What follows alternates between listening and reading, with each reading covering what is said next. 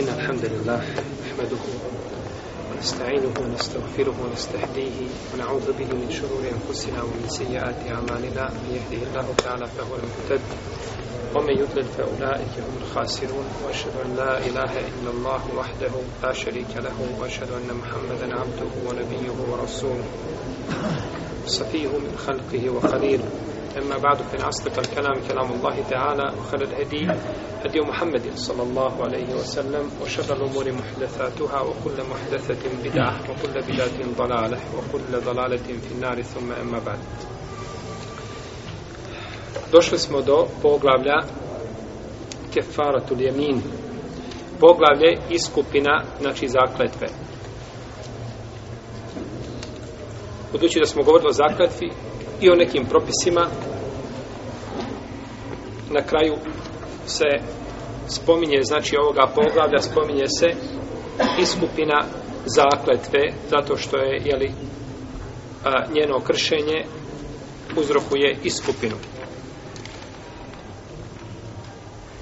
El kefara riječ u arapskom jeziku je izvedenica riječi el kufr zajednica riječi ili kufr. Pa znači, ko se hoće iskupiti od zakletve koje je prekršio, učinit će šta? Kufr. Jeste, učinit će kufr. Kufr u jeziku, braćo, znači pokrivanje.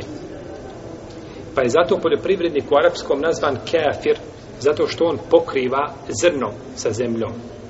Zrno pšenice ili nečega stavi u zemlju, onda ga pokrije. Pa je kufr tahtije, prekrivanje nečega. To je jezičko značenje. A terminološko je nešto drugo. Jel u redu? Pa tako se za čovjeka može kazati šta da je keafir kada je poljoprivrednik. Misli se na jezičko značenje. Iako to treba izbjegavati te ovaj termine. Jedan od šehova je držao hutku i ljudima rekao da je protiv Sirio kemethal kufari kao primjer a, a kao primjer e, poljoprivrednika, jel? e kafira. Pa kaže, misli se ovdje na kafir, se misli na poljoprivrednik. A pa ljudi ga htjeli, znači, biti. Nije mogao više objasniti nikome da nije protekvirio ljude. Pa te, znači, e, te izraze koje imaju dvojno značenje treba izbjegavati. U arapskom se može čovjek kazati kad pogreši kezebt. Slagao si. Lažiš. Ali u stvari misli se da je šta? Rahmatullah. Misli se da je pogriješio. A, u Hidžazu se kaže I Ajša kaže za Ibnu Omara, kaže laže. A nije mislala laže on, laže nego šta je? Pogriješio je Ibnu Omar, to je izraz sa dvojnim značenjem. A gdje se ne znaju ti izrazi, treba ih izbjegavati. Jer za čovjeka se može, je li čovjek životinja? Je li? Jeste. Čovjek je životinja. I sve što se miče je životinje. To su hajvani. Sve što je živo, što ima dušu je hajvan. No međutim, u običajnom pravu je poznato da je životinja šta? Posebno nešto. Ne možda čovjeka kaza da je to, je tako? A u principu sve što je živo je su šta? Hajvanje. Međutim, jeli, treba paziti da ne bi čovjek ovaj, pogriješio. Jedan je od, od naših profesora držao predavanje šehova od učenika šeha Albanija rahmehullahu ta'ala Ebul Jusr držao je predavanje i kaže dabe, u arapskom dabe je životinja isto pita jednog učenika znaš ti šta je dabe kaže dabe je dabe životinja je život kaže ti si dabe pa sad njemu bilo to teško jel? to je uvreda Oma mi dabetin fil art illa alallahi riskuha. Nema ni jedne životinje. Dabe je sve što se miče. Debe je dubu, znači pomjerati se, micati se. Nema ništa što se miče na zemlji, a da nije na Allahu njegova šta? Obskrba. Dobro, je li tvoja obskrba na Allahu? Jeste. I nazvan si kako? Da.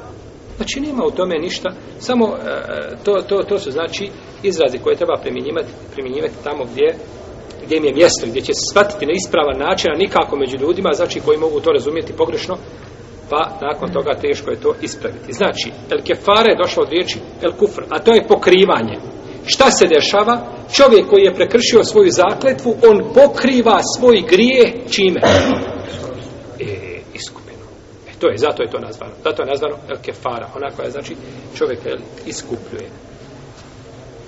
Iskupljuje, znači taj grijeh pa neće čovjek biti zbog toga kaže na sudnjem sudnjem da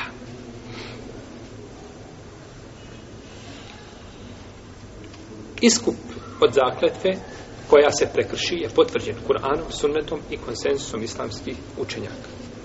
Uzvišeni Allah te barek kaže فكفارته إطعام عشرة مساكين من أوسط ما تطعمون أهليكم أو كسوتهم أو تحرير رقبة فمن لم يجد فصيام ثلاثة أيام ذلك كفارة أيمانكم إذا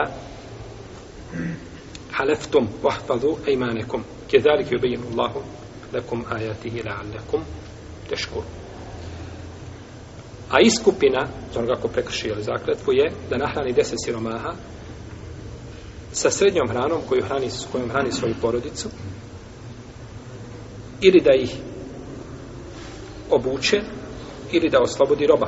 Ako ne uspije naći, ako ne bude imao puta i moguće znači da ovo učini, neka posti tri dana. To je iskupina vaših zakletvi. Čuvajte vaše zakletve. Tako Allah vama potanko znači govori ili pojašnjava svoje ajete da biste razmislili. Ovdje se kaže na kraju Zalike kefaratu ejmanikum iza haleftum. To je iskupina vaših zakletvi ako se zakunete. Znači, dok se zakuneš, moraš šta? Iskupiti. Tako je spolješnje značenje ajeta. U stvari nije, nego ovdje ima nešto što nije spomenuto. To je iskupina vaših zakletvi ako se zakunete pa ih prekršite. Jel u redu? Ako se zakunete pa ih prekršite. Pa je ovdje te barak tala spomenuo Znači, tri stvari. Spomenuje etam, hranu, spomenuje kiswa, odjevanje i spomenuje tahriru rakave, oslobađanje a, roba. I ove tri stvari je napravio obavezniku, učinio je obavezniku izbor među njima. Hoćeš jedno ili drugo, treće, po volji. Šta ti je lakše i šta ti je jednostavnije. Šta ti je lakše i šta ti je jednostavnije. Pa ko nije u stanju da učini nijednu tri spomenute stvari, onda će ići na post. Nije mu dozvoljeno postiti, a u mogućnosti je da učini jednu od tri stvari po konsensusu islamskih učenjaka. Ha. Njegova iskupina je batil, nije validna. Ako može nahraniti siromahe, ili oslobodi, osloboditi roba, ili ih obući. Ako ove tri stvari ne može, tek onda ide na post što je kod nas pogrešna stvar i pogrešno, znači ima ustaljeno pravilo, čovjeku kaže nešto, vallahi neću, vallahi hoćeš, vallahi ne, dobro, kaže, postiš tri dana i hoće, nije problem. Nećeš postiš tri dana. Prvo ćeš ti ići, tražiš siromaha, siromaha da i naraviš. Pa ćeš onda kupovati odjeću, jel? Pa ako odeš i južnije da tražiš robova, da oslobodiš, ne smeta. U redu, iako nema, danas nema robova, skoro da ih nema, to, je, to su rijetki, znači pojedinci, to je taj, taj e, osloba, oslobađanje roba je e, teško s te strane, ali prve dvije stvari mogu sigurno. I koje je danas više obespravljeno od muslimana, koje je više gladan od muslimana i koje je više a, a, a, neodjeven od, od muslimana. Je li tako? Pa ne smije se znači ići jer kaže uzvišeni Allah te fe kefaretu i tamo ašet me sakinu minu usatima to pa rehlikum evo kisatu, evo tahriru rakave femel ne mjeđi. Ove tri stvari pa ko ne nađe? Bio si dužen, zadužen prvo čime? sa ove tri stvari da izabereš. Pa ko ne nađe, e onda posti tri dana. I tako da tu nema nikakvi razilaženja zato što je ajet ovaj, e, e, e, savršeno jasan jeli, da se radi o izboru u prvom slučaju, a onda nakon toga da se radi o zamjeni onome ko ne nađe. Prvo što se tiče hrane, što se tiče hranjenja sremaha, u ajetu je spomenuto deset siromaha deset siromaha. I ovi su, znači, ajeti mohkem, jasni, ne mogu se nikako protefsiriti, znači, ovaj, na bilo koji način, i oni su, jeli, oni su a, koncizni, jeli, o, u stvari, jeli, a, decizni su po svome značenju. Dobro, ja nahranim jednog siromaha deset puta. Neću deset siromaha, nego jednog siromaha nahranim deset puta. Ili nahranim dvojicu po dva puta, po pet puta, dvojicu po pet puta. Islamski učenjaci imaju tu dva različita mišljenja.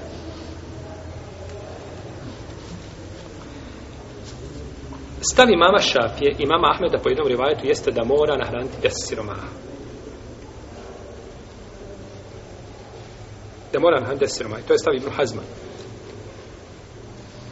Dok je rivajet od Ebu Hanifa i mama Ahmeda da su kazali može nahraniti jednog siromaha s tim da mu od jedan put dadne svu hranu koja mu treba. Znači, od jedan put ako mu dadeš hranu koja mu je potreba za deset puta, ti si nahra, učinio s time ono što se traži od tebe. Znači, da to ne bude rasparčano nekakvo davanje, jeli, u vremenskim intervalima. Allah htjala nam da je ispravno da kaže se fekefaratuhu i tamu ašarati mesaki. Deset siromaha, to je preče i to je bolje da deset siromaha se hrani, jer to je spodešnje značenja ajeta. Za razliku, recimo, kada se iskupljuje eh, eh, neko od posta ishranom ili hranom, tada, tada ovaj, došao danes Ibn Malika i drugi ashaba kod, kod Abdurrazaka i kod Abaranije, da mogu, da, da možeš se nahraniti jedan siroma deset puta. To je opet druga vrsta iskupine. I doćemo do ovoga pitanja, znači kad se, kada bude hukm jedan ili kada bude propis jedan, a kada budu sebe bili povodi za taj propis različiti. Govorit ćemo o tome, inšalav tela, nešto kasnije. Pa je ovdje došlo kod islamskih znači učenjaka da kažu znači kod, kod imama Šafi, imama Ahmeda ibn Hazma da treba nahraniti deset siromaha i da je to spolješnje značenje ajed. Vrsta hrane koja se daje siromasima. Većina islamskih učenjaka Ebu Hanife i Ahmed i Šafija kažu da je ovo određeno šerijatom. Šta znači? da je određen, određeno znači šarijatom šta se daje kao hrana. U smislu količine. Dokaže ima malik dokaže ima malik da se to vraća na urf, na običajno pravo. Znači da se vraća na običajno pravo i da to nije određeno, to nije određeno precizno šarijatom. Pa se razilaze, tu Ebu Hanife kaže da treba jedan sa to su četiri pregršti, dok imam šafija kaže da je dovoljna jedna pregršt i to je stav imama e, Ahmeda. Znači, razilaze se po tome pitanje. Dok kaže imam Malik, i to je odabrao Ibn Hazmi, šehr Islam Ibn Temije, kažu da treba se vraćati na običajno pravo. Znači, na običajno pravo se vratiti i na osnovu toga suditi, znači, koliko kome pripravljaju jer uzvišen je Allah kaže min eusati ma tuta imune ehlikum od srednje hrane kojom hranite svoju porodicu znači nije to svugdje isto, je li tako? To se, to se razlikuje kaže šehr sami Utemi u svojim petvama u 35. tomu i ovo je, kaže, ono što je prenešeno od ashaba i od tabijina to se od njih, kaže, prenosi u tom kontekstu pa su govorili da je srednja hrana hljeb i mlijeko i govorili su da je to hljeb, hljeb i mast, da je to hljeb i datule, pogledajte srednje hrane kojim se hranili. A najveći stepen od toga je bilo hljeb i mjesto kuhano. Znači to je bilo, to je bio najveći stepen i ko se je tom hranom hranio, on je bio živio je visokim standardom. I kada želim sam te mi ove smo spominjali, znači a, mišljenja islamskih učenjaka od Ashaba i Tabina na drugom mjestu. A na istom mjestu u svojim fetvama nakon par stranica u 35.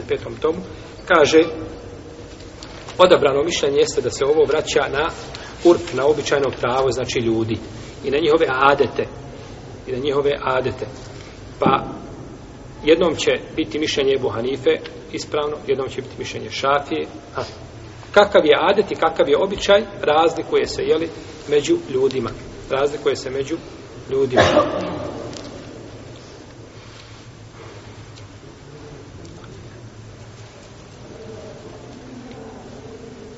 Imam Malik je govorio što se tiče nas kod nas u Medini kaže to je mud poslanika sa lasarame da se iskupio čovjek za da dade jednu pregršt da dade jednu pregršt znači pšenice na primjer da se iskupi od jeli, od iza od zakletve a kaže što se tiče drugih država ili drugih podneblja kaže pa oni imaju svoje standarde pa njihova večera, kaže, nije kao naša večera. Pa se ljudi razlikuju, zato je uzvišen Allah objavio Kur'an da bude za sve ljude. Mi ne ustati matu ta'imu na ehlikum, srednjom ranom kojom ranite svoje porodice. Pa se ljudi razlikuju, pa kako se razlikuju, jel, kada živiš tim životom i tim standardom, onda kada bude u pitanju iskupina, isto tako, dužan si znači da po tom kriteriju miriš.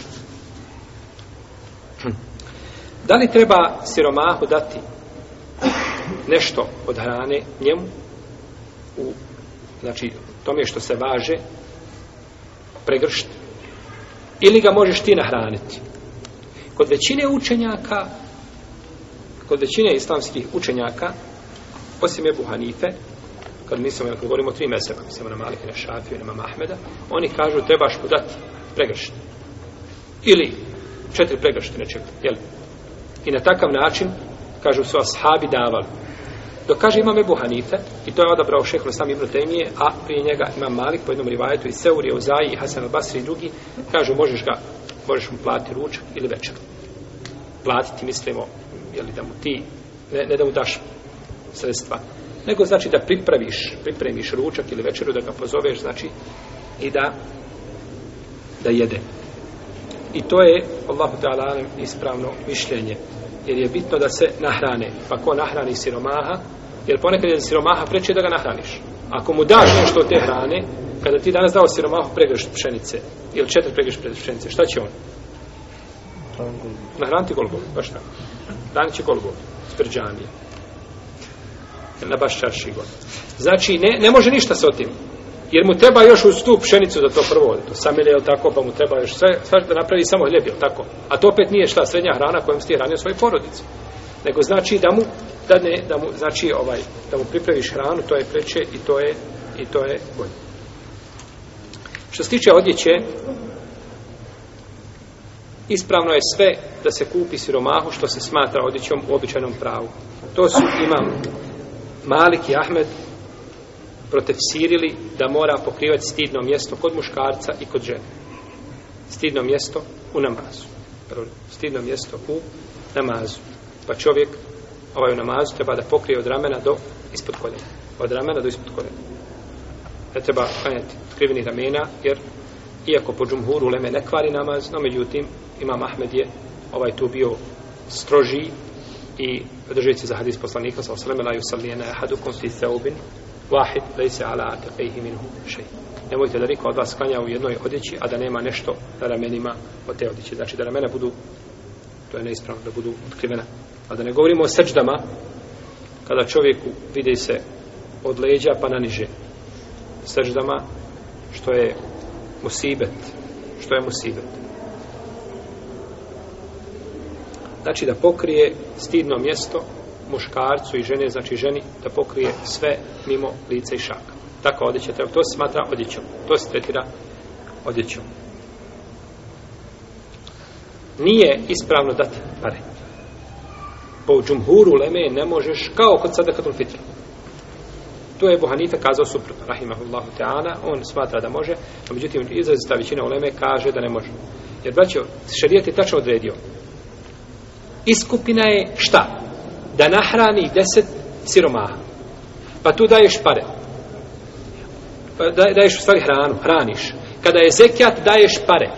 I sve je šarijet, znači, i sve ima, znači, ovaj svoju jeli svoju e, ulogu ili zbog čega je svoju mudrost, zbog čega je uzvišen Allah jeli određenu stvar ili određeni propis učinio u tom obliku i toliko, u toj formi. Oslobađanje roba, tiče oslobađanje roba, kazali smo roblje danas e, među muslimanima, jeli da musliman ima roba, Meni je samo jedan profesor govorio koliko sam čuo od njega, živio u Saudijskoj Arabiji, predavao oko 16 godina dole u Rijadu i kaže, jedno sam prilike vidio roba. U jednoj trgovini, kaže, čovjek mi rekao, kaže, ovo je rob. I ja sam ga, kaže, pozvao, dođi vamo, kaže. Jeste rob? Kaže, jesam. Kaže, pa što, što ne tražiš da, da se oslobodiš? Da? Kaže, što ću se oslobađati? Kaže, kod moga gazde, kaže, oženio me, dao mi stan. Imam auto, živim, kaže, lijepo. Kaže, što ću tražiti? Što, mi, što me, kaže, zanima da budem slobodan? Kad mi je, kaže, ljepše kod moga gazde, jeli, znaš, ako je čovjek bogobojazan, sigurno da će ga paziti, jeli, kao svoje dijete i neće ga optereti onim što ne može, neće mu nepravdu činiti zulu. I nakon toga njega ne zanima, ja, ja ga zvao rob, ja ga ne zvao rob. Njemu to dođe, jeli, na kraju isto. Tako da, da je ovo rijetko, to su zamijenile danas sluškinje, jel isto, koje su napravile fesad po zemlji. Džumhur uleme, suprotno imamo Ebu Hanife. Suprotno imamo Ebu Hanife. Kaže da taj rob mora biti musliman koga hoćeš osloboditi. Znači, mora mu biti ime Muhammed.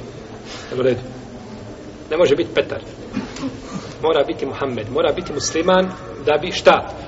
iskupina od tvoje zakljete bila validna, jel u redu? Mora se, znači, mora biti musliman.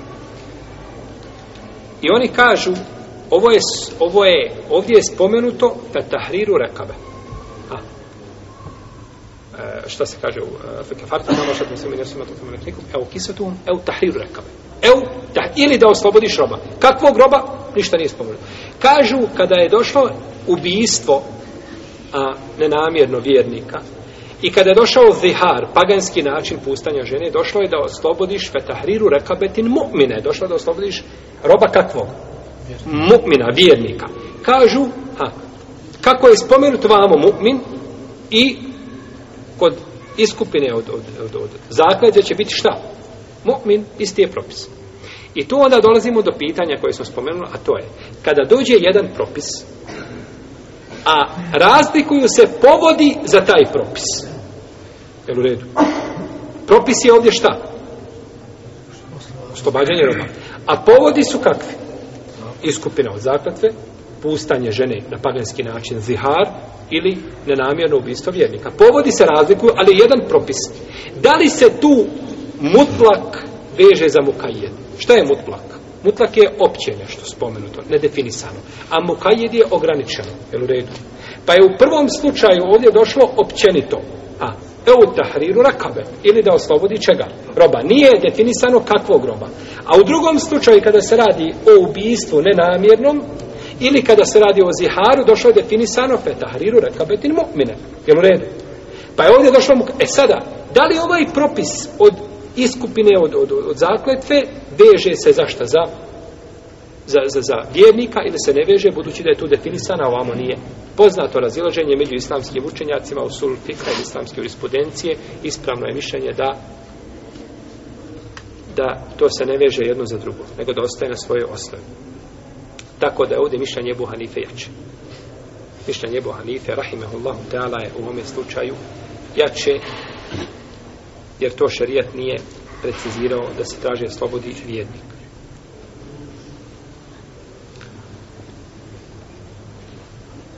Potom da se posti.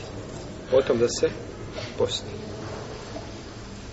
Ako ne može jednu tri stvari, onda dolazi ono što čovjek može, a to je post.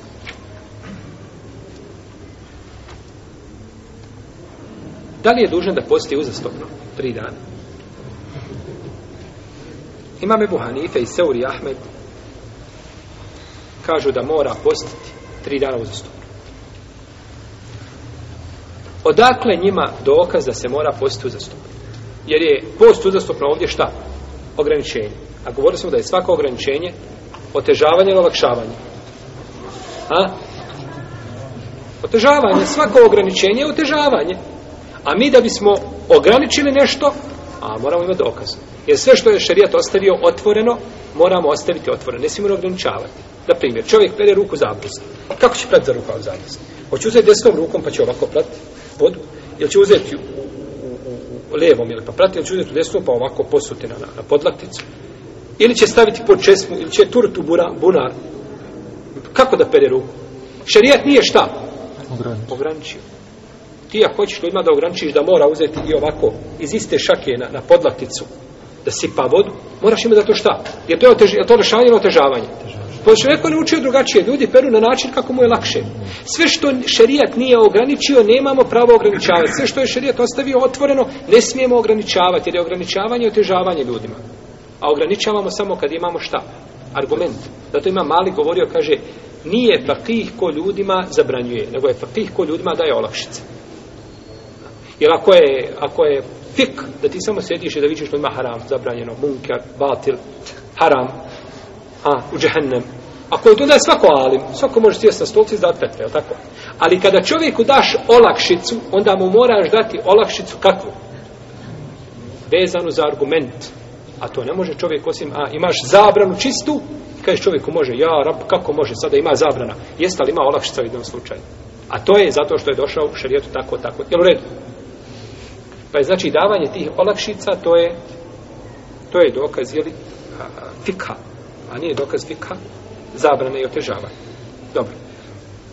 Ovi učenjaci kažu, oni se, oni se pozivaju na argument, oni kažu, Ibnu Mesaud je učio ovaj ajet, Ibnu Mesaud je učio ovaj ajet, gdje sijamu thalatati ejamin utetabiat, neka posti tri dana uzastopno. Tako je po jednom šta? Kirajetu. Pa kažu, tako je došlo po jednom kirajetu.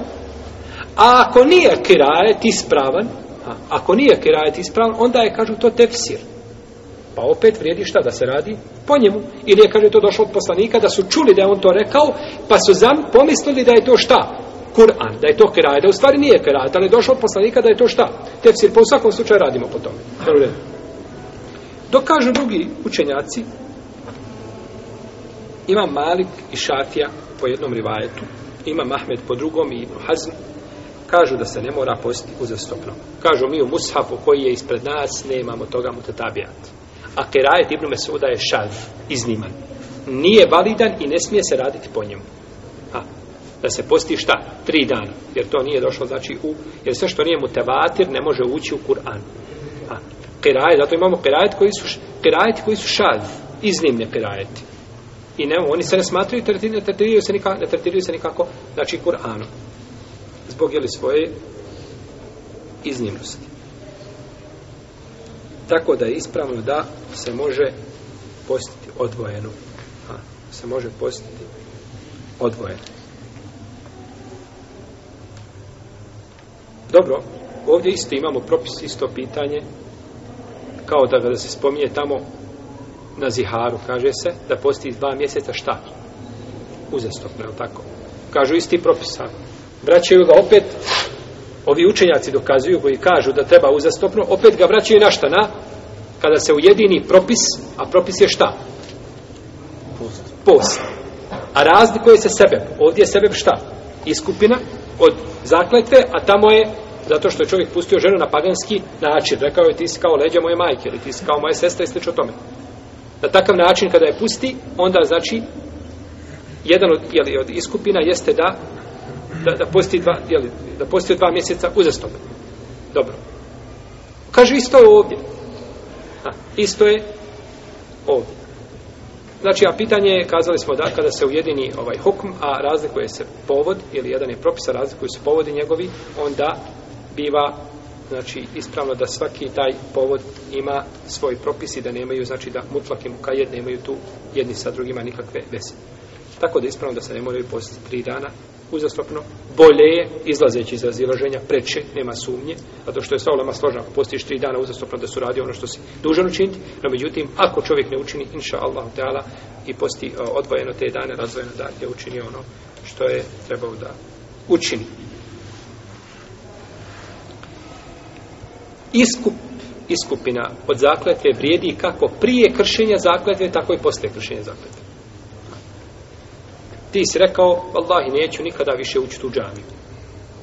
Nešto me hođa me razljutio, danas i neću više u tu džamiju. I opet kažeš, nije to bio razlog, jel da ja ne idem u džamiju. I opet kreneš u džamiju. Dobro. Prije po, na podne si se zakleo da nećeš ići. A na ikindiji ćeš otići na namaz, odljutio se. Za sat vremena odljutio se. Možeš prije ikindije na hranci romahe i otići šta? Pa si iskupio se prije čega? prije kršenja zakletve. Zakletve se prekršio kad pređeš preko vrat, preko praga, jel, džamijskog ili redu. Znači, tako da je dozvoljeno da se to čini, znači, i prije i poslije. I džumhur uleme kažu da je dozvoljeno prije. Džumhur uleme kaže da je dozvoljeno, znači, da se, da se to učini prije i to se prenosi od 12 sada poslanika, sallallahu alaihi wa sallam.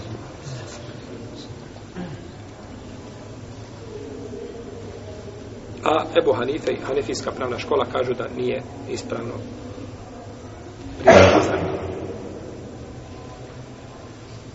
Šafija kaže da može i ne može. Šafija kaže da može i da ne može. Ne može, kaže kada u pitanju post. Ne može post tri dana pa prekršiti zakon. Znači čovjek se zakleo nešto. Nema mogućnosti da nahrani, nema mogućnosti da šta? Slobodi roba, nema mogućnosti da obuče siromahe. Hoće da šta? posti. Kaže, ja ću postiti tri dana, pa ću prekršiti zakletvu. Kod šafije takva iskupina nije šta validna. Ali je validna ako nahraniš ili obučeš ili oslobodiš ove. U redu. Pa je validna kod prve tri stvari koje je izbor, a nije validna kod, kod posta. Nije validna kod posta. Allah te alalem da ispravno više je džumbura u leme. Da može i prije, da može i poslije. I to je ta braća širina i to je ta elastičnost islama. Znači, olakšice, olakšanje islam u svakom pogledu kako u svatanju i poimanju islama i njegovih propisa, tako u njegovom praktikovanju. Čovjeku možeš za dvije minute pojasniti kako će biti musliman i kako će Allah obožavati bez, bez ovaj. Be, da nema primjesta širka i nakon toga dolaze praktični propise da ga provučiš isto tako što je jednostavno i što čovjek mora znati da bi bio musliman je jednostavno može se to u jednom danu naučiti. Nije nikakav problem. A isto tako znači je li pri praktičnom praktičnom praktično, ti praktični obredi su jednostavni. Došli su hadisi koji ukazuju da se može iskupiti čovjek prije nego što, šta prekrši zaklad. Pa tako je došlo u hadisu koga bližimo Mesaj je Budavut koji ima vjerodostan lanc prenoslaca od Abrahama od Abdurrahmana ibn Semure da je rekao, kaže poslanik sallallahu alaihi wasallam kaže ako se zakuneš na nešto pa vidiš da ima bolje, kaže, iskupi se, potom učini ono što je bolje. Iskupi se, potom učini ono što je šta? Bolje. Dolazi iskup prije čega? Prije kršenja zakletve. Po ome hadisu je to vađiv. Da prvo šta? Da se prvo iskupiš. Jer je rečeno u hadisu, ovaj, prvo, prvo, znači, učini ono što, što, što, prvo se iskupi, pa onda učini. No, međutim, konsensus u Leme jeste da to nije važno da nije vađiv da se prvo iskupiš, da možeš ti prekriš zakljetvu i nakon vremena se možeš skupiti, nije problematično. Nije problematično. Čovjek koji je svakako bolje da prvo prekrši pa da onda je da se iskupi. Zato što je što šta? Konsensus. Braću, ti god ima razilaženje po jednom pitanju. Na dva mišljenja su nema razišli. Ali slažu se na jednom, bolje učiniti ono što gdje se slažu. Naprimjer, ovdje je došlo konkretno. Je li sva ulema složna da ko iskupi se nakon kršenja zakletve da učini ono što je dužan učiniti? Je složna? Jeste sva. Sva je složna, niko nije rekao. Samo što ima jedan dio uleme, a to je džumhur, većina, kažu može šta i prije. A nema sumnje da ko učini nakon zakletve da je 100% može kazati, znači ovo je konsensus i to je znači argument koji je kategoričkog karaktera. Dok ovo drugo može čovjek uraditi ako smatra da je ispravno i tako dalje, ali tamo gdje može da uradi po konsensu, tomu je preče i bolje. Tomu je preče i bolje s tim da ne smijemo znači da obavezivati na to i da ograničavati, naravno ako se radi o fikskom pitanju gdje se postoje razilaženja i ako on vidi znači suprotno tome, odnosno vidi da je dozvoljeno, da treba znači ovaj jer ako bismo se ograničili samo na konsensus, onda ovaj i da radimo samo konsensus, to je mali broj pitanja po kojima ćemo raditi. Jel ulema se, jel se složila, se nije složila po većini pitanja? A? Ma nije se složila, braći ulema, možda ni, ni po 5% pitanja.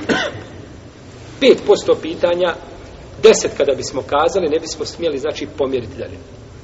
A nema 10%. Nema 10% pitanja koji su ulema složila stvar. Vizrazi ta većina, oni se složili, znači, oko osnovnih pitanja, gdje su došli decizni, jasni argumenti, znači, nema nikakve mogućnosti za njihovim simboličnim tumačenjem i tako dalje. U protivnom razilaženja što znači u jednom pitanju ha, naći toko abdesta možda da se slažu u, u, u ne znam, deset pitanja, deset mesela. A razišlo se u stotinu.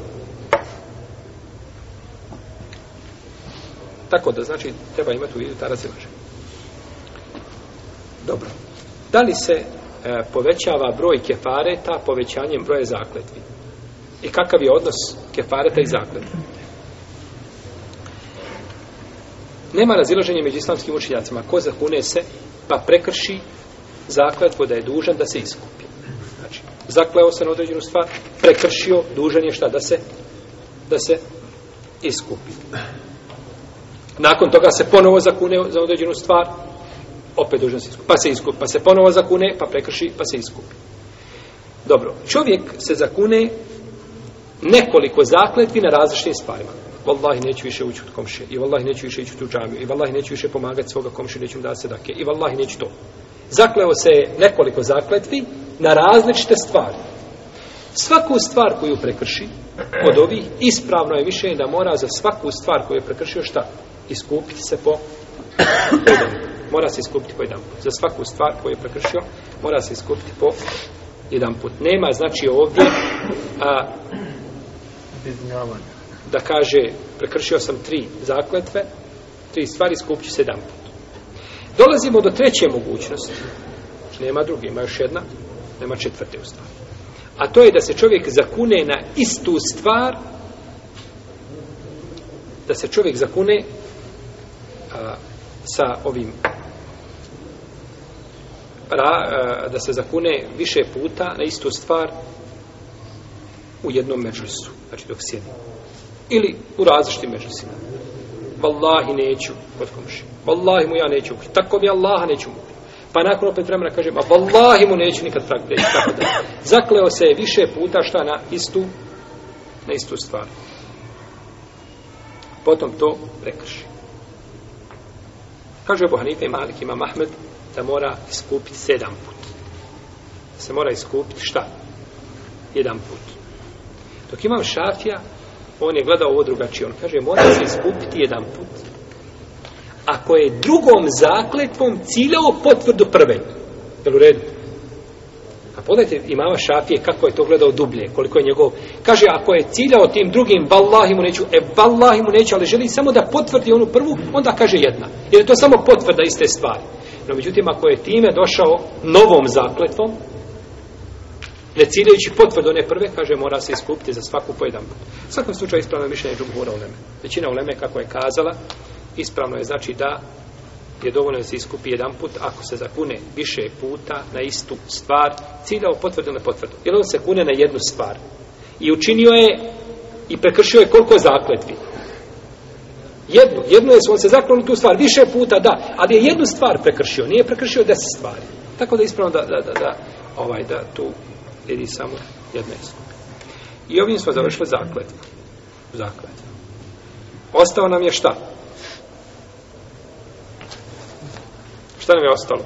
Zavjet. Zavjet. Zakletva i zavjet. Ale imanu on nuzur ili al jeminu o nezr, uvijek idu skupno zakletva i zavjet. Jer imaju dodirni tački, znači imaju prepletanje u svojim propisima, imaju e, određene propise koje su, koji se li vežu za jedno i za drugo, tako da ih papihi spomnju uvijek u, u ovaj, u, u jednom, jeli, ovaj, poglavlju. Zak, zavjet. Zavjet u, še, u, u jeziku znači ugovor. Znači ugovor.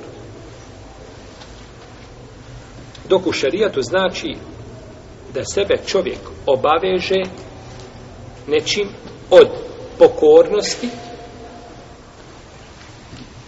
koja mu nije bila obavezna. Učini to sebi obavezom izrazom koji ukazuje na to. Izrazom koji ukazuje na to. Kakav je propis zavjeta? ko pogleda u vjerodostojne hadise poslanika sa osanem, vidjet će da, da čovjek treba izbjegavati zavjet i da je zavjet zabranjen, odnosno po većini uleme zavjet je mekru. No, međutim, ako se čovjek zavjetuje, mora to ispuniti. I ovdje je braćo jedna bitna stvar u šarijetu, a to je zavjet uzvišeni, ti kažeš sebi, vallahi ću večeras klanjati 60 rekiata. Je li te Allah propisao 60 rekiata da klanješ po noći? Nije. Ti sam sebe obavize, oba, obavezao. To obavezanje je pretjerivanje u vjeri. A. I sam si prema sebi bio žestok. Ali kada si ti bio prema sebi žestok, onda šerijat prima, prima prema tebi isto tako žestok. Pa kaže, sad to moraš ispuniti. Allah te nije obavezao, da ti Allah rekao, svako veće moraš klanjati sto rekiata, ti išao uz ulicu, niz ulicu i vikao, ja islama i teške vjere. Ja kako to Allah održao cijelu noć, ljudi spavaju, ja moram klanjati cijelu večer. Na, sa ruku na sežu, sa sežu na ruku i tako da... Nije te i ti sam sebe obavezuješ. E sada kada si živio, sam sebe obavezao, nečim što ti nije bilo obaveza, sad to moraš šta? Moraš to ispraviti. Tako da je to ono što je rekao poslanik Salasarame inne dine Allahi yusrun, volen yushadde edine ahadun ila galebehu. Allahova vjera je jednostavna priroda za praktikovanje. Kogod pretjera u svojoj vjeri i prižesti tamo gdje ne treba, kaže slomit će ga vjera. To je to. Čovjek sam sebe slomi. Čovjek sam sebe slomi. Što je neispravni postup. Došlo od Ibnu Omara kod Buhari kod muslima da je poslanik sa osvrame rekao kaže Ibnu Omar zabranio je poslanik sa osvrame e, zavjet i rekao je kaže, on ne menja Allahov kader, nego on samo tjera on samo tjera ili navodi škrca da nešto učini. Ma je stahriđu ila min al bahir. Čovjek ima, ne možeš iz njega pare izbiti nikako. Znači, ko da mu zub zdrav badiš kad od njega paru tražiš. I on se zakune da će dati takav škrtac, onaj ko daje, on nikada neće reći, e, vallah, ću dati Allahom put, pa ja uvijek dajem, hvala Allahu i dajem koliko mogu. I on nema potrebe da šta, da se zavjetuje. A, da se kaže, Allah se zavjetujem da ću dati tako i tako ako bud. Znači, to samo škrci tako rade. A to ne mijenja ništa, znači, od kadara. Kako ne mijenjati kadera? Kaže, ako mi Allah izleči moje dijete, ja ću dati toliko i toliko čega sedake. Ma Allahov kader neće promijeniti to što ćeš ti dati sedaku. Jel u redu? To što si zavjetao da ćeš dati sedaku, to neće promijeniti Allahov kader u pogled tvoga djeta i njegov izlečenja, odnosno neizlečenja. Jel u redu? Kader ostaje kader. To ne mijenja kader. Kader će promijeniti dova. A neće promijeniti šta? Zato što je dova od kadera. Pa će ona pro... A neće promijeniti znači to što čovjek kaže, ja ću dati toliko ili, ili toliko. I došlo je u hadisu, drugom kod muslima, da je poslanik sam rekao, nemojte se zavjetovati, kaže, jer zavjet ne mijenja kadar. Ništa od kadara, kaže, to samo ovaj, možeš nešto, nešto time, možeš izvući oškrca. I kaže poslanik, sallallahu alaihi sallam, od isko, koga bliže Buhare je muslim, kaže, zavjetom čovjek ne može priuštiti ono što mu Allah nije odredio. Pa međutim, čovjek se zavjetuje, kaže, pa taj zavjet poklopi se sa kadarom. Šta kaže? Ako moje dijete Allah izleči, daći toliko i toliko šta? Sedake. Pa se kader bude da dijete bude izlečeno, pa se ta, te tvoje riječi, ta tvoje, taj tvoj zavjet poklopio se čime? Kaderom, a nije zbog zavjeta došlo šta? Vrće, pa ovo je jako bitno. Ovo su bitne stvari. Čovjek kada ovo zna, znači, riješće se, riješćeš se belaja ako se nekad zavjetuje, riješćeš se svi belaja, ništa neće moj zavjet, majka u bolnici i nekakva teška operacija i ti onda kaže Allahu dragi ako izlečiš moju majku ja ću, ti misliš zato što si to rekao da će Allah zbog toga izlečiti tvoju majku i da će se kader promijeniti neće se promijeniti kader nego si ti škrtac i ne može se od tebe ništa izvući osim kada te nešto pricne onda hoćeš da se iskupiš to je površno to je znači neispravno da čovjek da čovjek čini Kaže, to samo tako škrtac daje ono što nikada ne bi dao. Ha, je li red? Daje ono što nikada ne bi dao. No, međutim, Kur'an i Sunnet jasno ukazuju da čovjek koji se zakone mora da, u koji se zavituje, mora to ispuni. Kaže, uzvišenje Allah, te barak vela, ثُمَّ لِيَقْدُوا تَفَثَهُمْ وَلْيُوفُ نُذُورَهُمْ وَلِيَطَوَفُ بِالْبَيْتِ لَتِيقُ U suri Al-Hajj. Potom neka uklone svoje neprijatnosti sa sebe i neka ispune svoje zavjete. I neka obiđu oko drevnog hrana i neka obiđu oko dnevnog hrama. I kaže Ajša radijallahu ta'ala da je poslanik sa osrem rekao kako bideže imam Buharija i Ebu Dawud i, i Tirmizi i drugi men nezara yuti Allah fel yuti'ahu ko se zavjetuje da će pokoran biti Allahu neka mu bude pokoran o men nezara en ja'sihi fel ja'sih ako bude zavjetovao se da će biti nepokoran neka ne ispunjava to znači ako se zavjetuješ na pokornost ispun a ako se zavjetuješ na nepokornost šta? Allah se zavjetujem, ako izleči moju majku, da će cijelo večer tancati tamo negdje u prvred, na zabranjenom mjestu. Ne smiješ ispuniti taj zavjet. Zavjetujem se ako bude tako i tako da ću raditi nekakav haram. Ne smiješ ga ispuniti. A ako se zavjetuješ na pokornost, Allah se zavjetujem da će zaklati kurban ako mi Allah izleči moje dijete, je li klanje kurbana pokornost ili nepokornost? Pokornost. Dužan si to ispuniti. Dužan si to ispuniti. I došlo je od Imrana Ibn Husayna, od Buhari kod muslima da je rekao, rekao je poslanik sallallahu alaihi sallam, hajrum nas je karni. Najbolji ljudi su oni koji žive u mome stoljeću, thumme ledine jelunehum, potom oni koji slijede. Potom kaže, ne znam da li je rekao treći put, potom oni koji slijede. Jel u redu?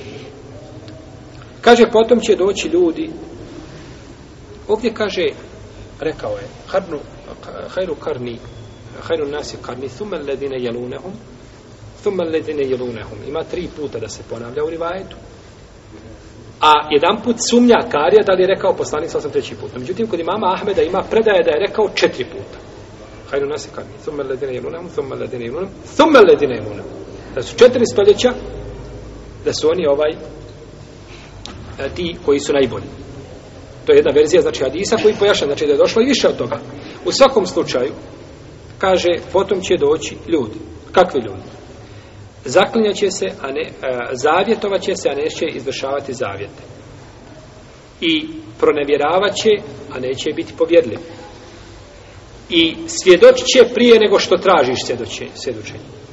Niko te nije ništa, ni traži od tebe svjedočenje, nego ti trčiš i svjedočiš. Znači, naravno, jedna svjedočenja koja nisu šeljetski ispravna. I među njima će biti, među njima će biti gojaznost. Biće debeli bit će debeli. Pa od, preda, od preznaka sunnijeg dana su, znači, gojaznost ljudi. Preznaka sunnijeg dana su gojaznost ljudi. Jesu.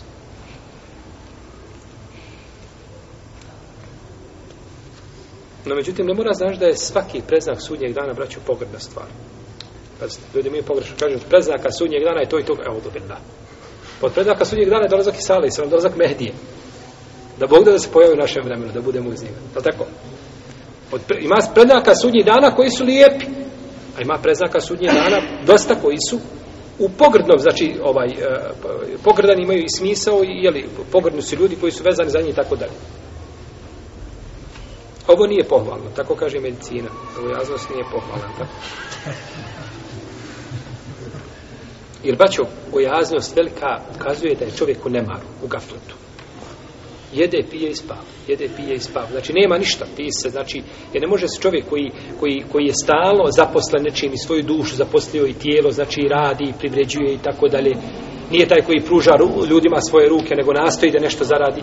Ne može on se Dobro, može čovjek biti bolestan, da ima poremećaj sa hormonima, može svašta biti. To je to je to su, su druge stvari. No, međutim da čovjek ne vodi računa o sebi, znači da se samo goji i tako dalje, to nije to nije pohvalna stvar. Jer nikada doktor nije nikoga osudio što je mršav i niko nikad nije se razbolio od mršavosti. Jedino ako je mršavost, je ona pretjerana i tako dalje.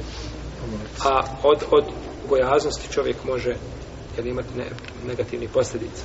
I kaže dalje stvoritelj Tebarake o Teala i ovaj hadis je braćo najbolji ljudi su moje stoljeće, potom oni koji slijede Ibn Hajar u svom djelu Lisabe Ptemizi Sahabe ga je ubrojao u mutevatir hadis mutevatir hadis znači to je dobro mutevatir hadis I kaže svrda te barak od tala inna labrara je šabune min kjasin kjane mi zađuna kjafura ajne nje šabu bihaje. Ibadu Allahi upeđurana tevčira. Jufune bi nezri u jehafune je omen kjane šaru obustatira. Jufune bi nezr. Ispunjavaće, suri, suri tako je dehr, suri nisan, kaže ispunjavaće svoje zavjete. Jufune bi nezr. Pohvalni. To je spomenut su s pohvalnom, u pohvalnom kontekstu, jeli? O jehafune je omen kjane šaru obustatira i bit će, a, a, plašće se dana čija će kod uzeti velike one, razmjere, bit će svukuda prisutno. Pa, pa su spomenuti u kakvom kontekstu? Inel ebrar, odabrani Allahovi robovi. Šta rade? Ispunjavaju svoje zavjete. Pa je čovjek dužno da ispuni, znači kada se zavjetuje, ali kako? Shodno pretom da disu. Ako se zavjetuje na pokornost da ispuni, a ako se zavjetuje na pokornost da ne, da ne ispunjavaju. وَمَا اِنْفَقْتُمْ مِنْ نَفَقَةٍ اَوْ نَذَرْتُمْ مِنْ نَذْرٍ فَإِنَّ اللَّهَ يَعْلَمُ A sve što vi date ha, na Allahovom putu ili na što se zavjetujete, to Allah zna. To Allah zna. Pa,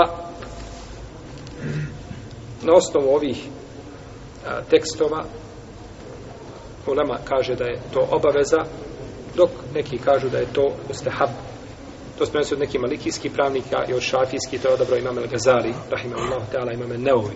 Oni su odabrao, znači, ovo mišljenje.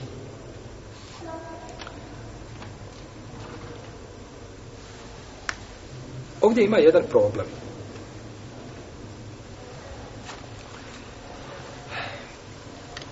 Imamo mišljenje da je ispunjavanje zavjeta, šta, vađib, obavezno, i da je mišljenje Jel u redu? Da je mišljenje obavez, da je, da je obavezno, jel? Da je to džumhur uleme, da je obavezno. Svako od mišljenja kosi se argumentima druge skupine. Oni koji kažu da je ispunjavanje a, obavezno, jel u redu? Kažu oni zaklinjanje, e, zavjetovanje je šta po propisu? Kakve je propis zavjetovanja? Mekro. A ispunjavanje je šta? Šta? Znači, tu je, tu je braću kontradiktornost. U šarijetu je poznato pravilo da sredstva imaju propis cilja. Šta znači? Ti želiš ovaj uraditi određenu stvar na određeni način. Ta stvar je vađib. Taj put koji dolazi do vađiva je šta? Vađib. Znači, sa njim ne može ostvariti taj cilj osim tim putom jer u redu. Hajde ovako. Odlazak, je li čovjek obavez da obavio hađ? Jeste. Hađ je vađib. Odlazak na hađ, ti koji nisi u Meki, odlazak do dole je šta? Vađib ili mustahab? Ba, ti moraš otići. Jer taj, taj tvoj, taj, taj tvoj, eh, ta, ta, to tvoje sredstvo do cilja ima šta? Propis cilja, a cilj je vađib. Jel u redu? Ovdje imamo cilje šta? Mekruh. U stvari ovako. Sredstvo je mekru. A ispunjavanje cilja je šta? Važno. To znači ne, ne može se uklopiti nikak, ne može se kompromiti. A isto tako vi koji kažu da je mustahaba, ovdje imamo jasne argumente, kako može biti ne za mustahaba, ovdje imamo jasne argumente o zabrani. Nemojte se, kaže, nemojte se šta? Zavjetovati, jer to samo, to samo škrtac čini i tako dalje. Znači, postoji jedna nejasnoća. A u stvari nema nejasnoće stvari nema nesnoće. Samo treba na ispravan način usaglasiti ove argumente. Ispravno je kazati da imamo dvije vrste zavjeta. Da imamo zavjet u kome čovjek se zavjetuje nešto Allahu iz pokornosti i ne traži nikakvu protuslu. A imamo zavjet u kome se čovjek zavjetuje pa traži protuslu. Pa hadisi koji hvale one koji ispunjavaju, jesu hadisi koji ispunjavaju, ispunjavaju ljudi koji ne traže šta? Protuslu. Ne traže A hadisi koji došli o zabrani jesu hadisi, znači da ti zavjetuješ se i da tražiš šta? Protuslugu. Pa da čovjek kaže, ja ću prinijeti žrtvu, zakloću, devu, ako mi Allah izleči moje djete.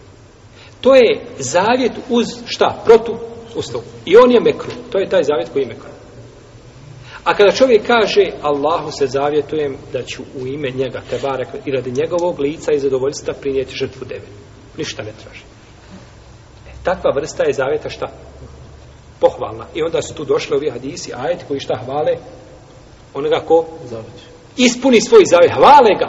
Ebr, nazivaju ga da je minel ebrar, od odabrani Allahovi robova. Ja, za, ja ću to ispuniti, ali ja ne tražim šta? Protuslugu. Jer zašto? Onaj prvi što je tražio protuslugu, i onako to nikada ne bi učinio osim uz šta? protuslu. A ovaj drugi to bi svakako činio radi Allaha, pa zavito sam se zavito ista stvar, jel ne tražim ništa. Pa na takav način bi usaglasili šta dvije skupine argumenta. Znači da imamo dvije vrste, znači da imamo dvije vrste uh, uh, tog zavita. Pa onaj ko traži uslugu, protu uslugu, on je onaj škrtac od koga ne možeš ništa izvući osim kad mu nešto daš. Jel u redu? A u protivnom, ljudi koji daju, jeli, ili koji ovaj se zavjetuju bez toga oni su odabrani Allahovi robovi jel, koji čine pokornost stvoritelja Tebara Keotala i ispunjavaju to i oni su pohvaljeni jel, ovim ajetima koji smo citirali. Allahu ta'ala alam, sallallahu alam, bina Muhammed. Ala alihi wa sallam.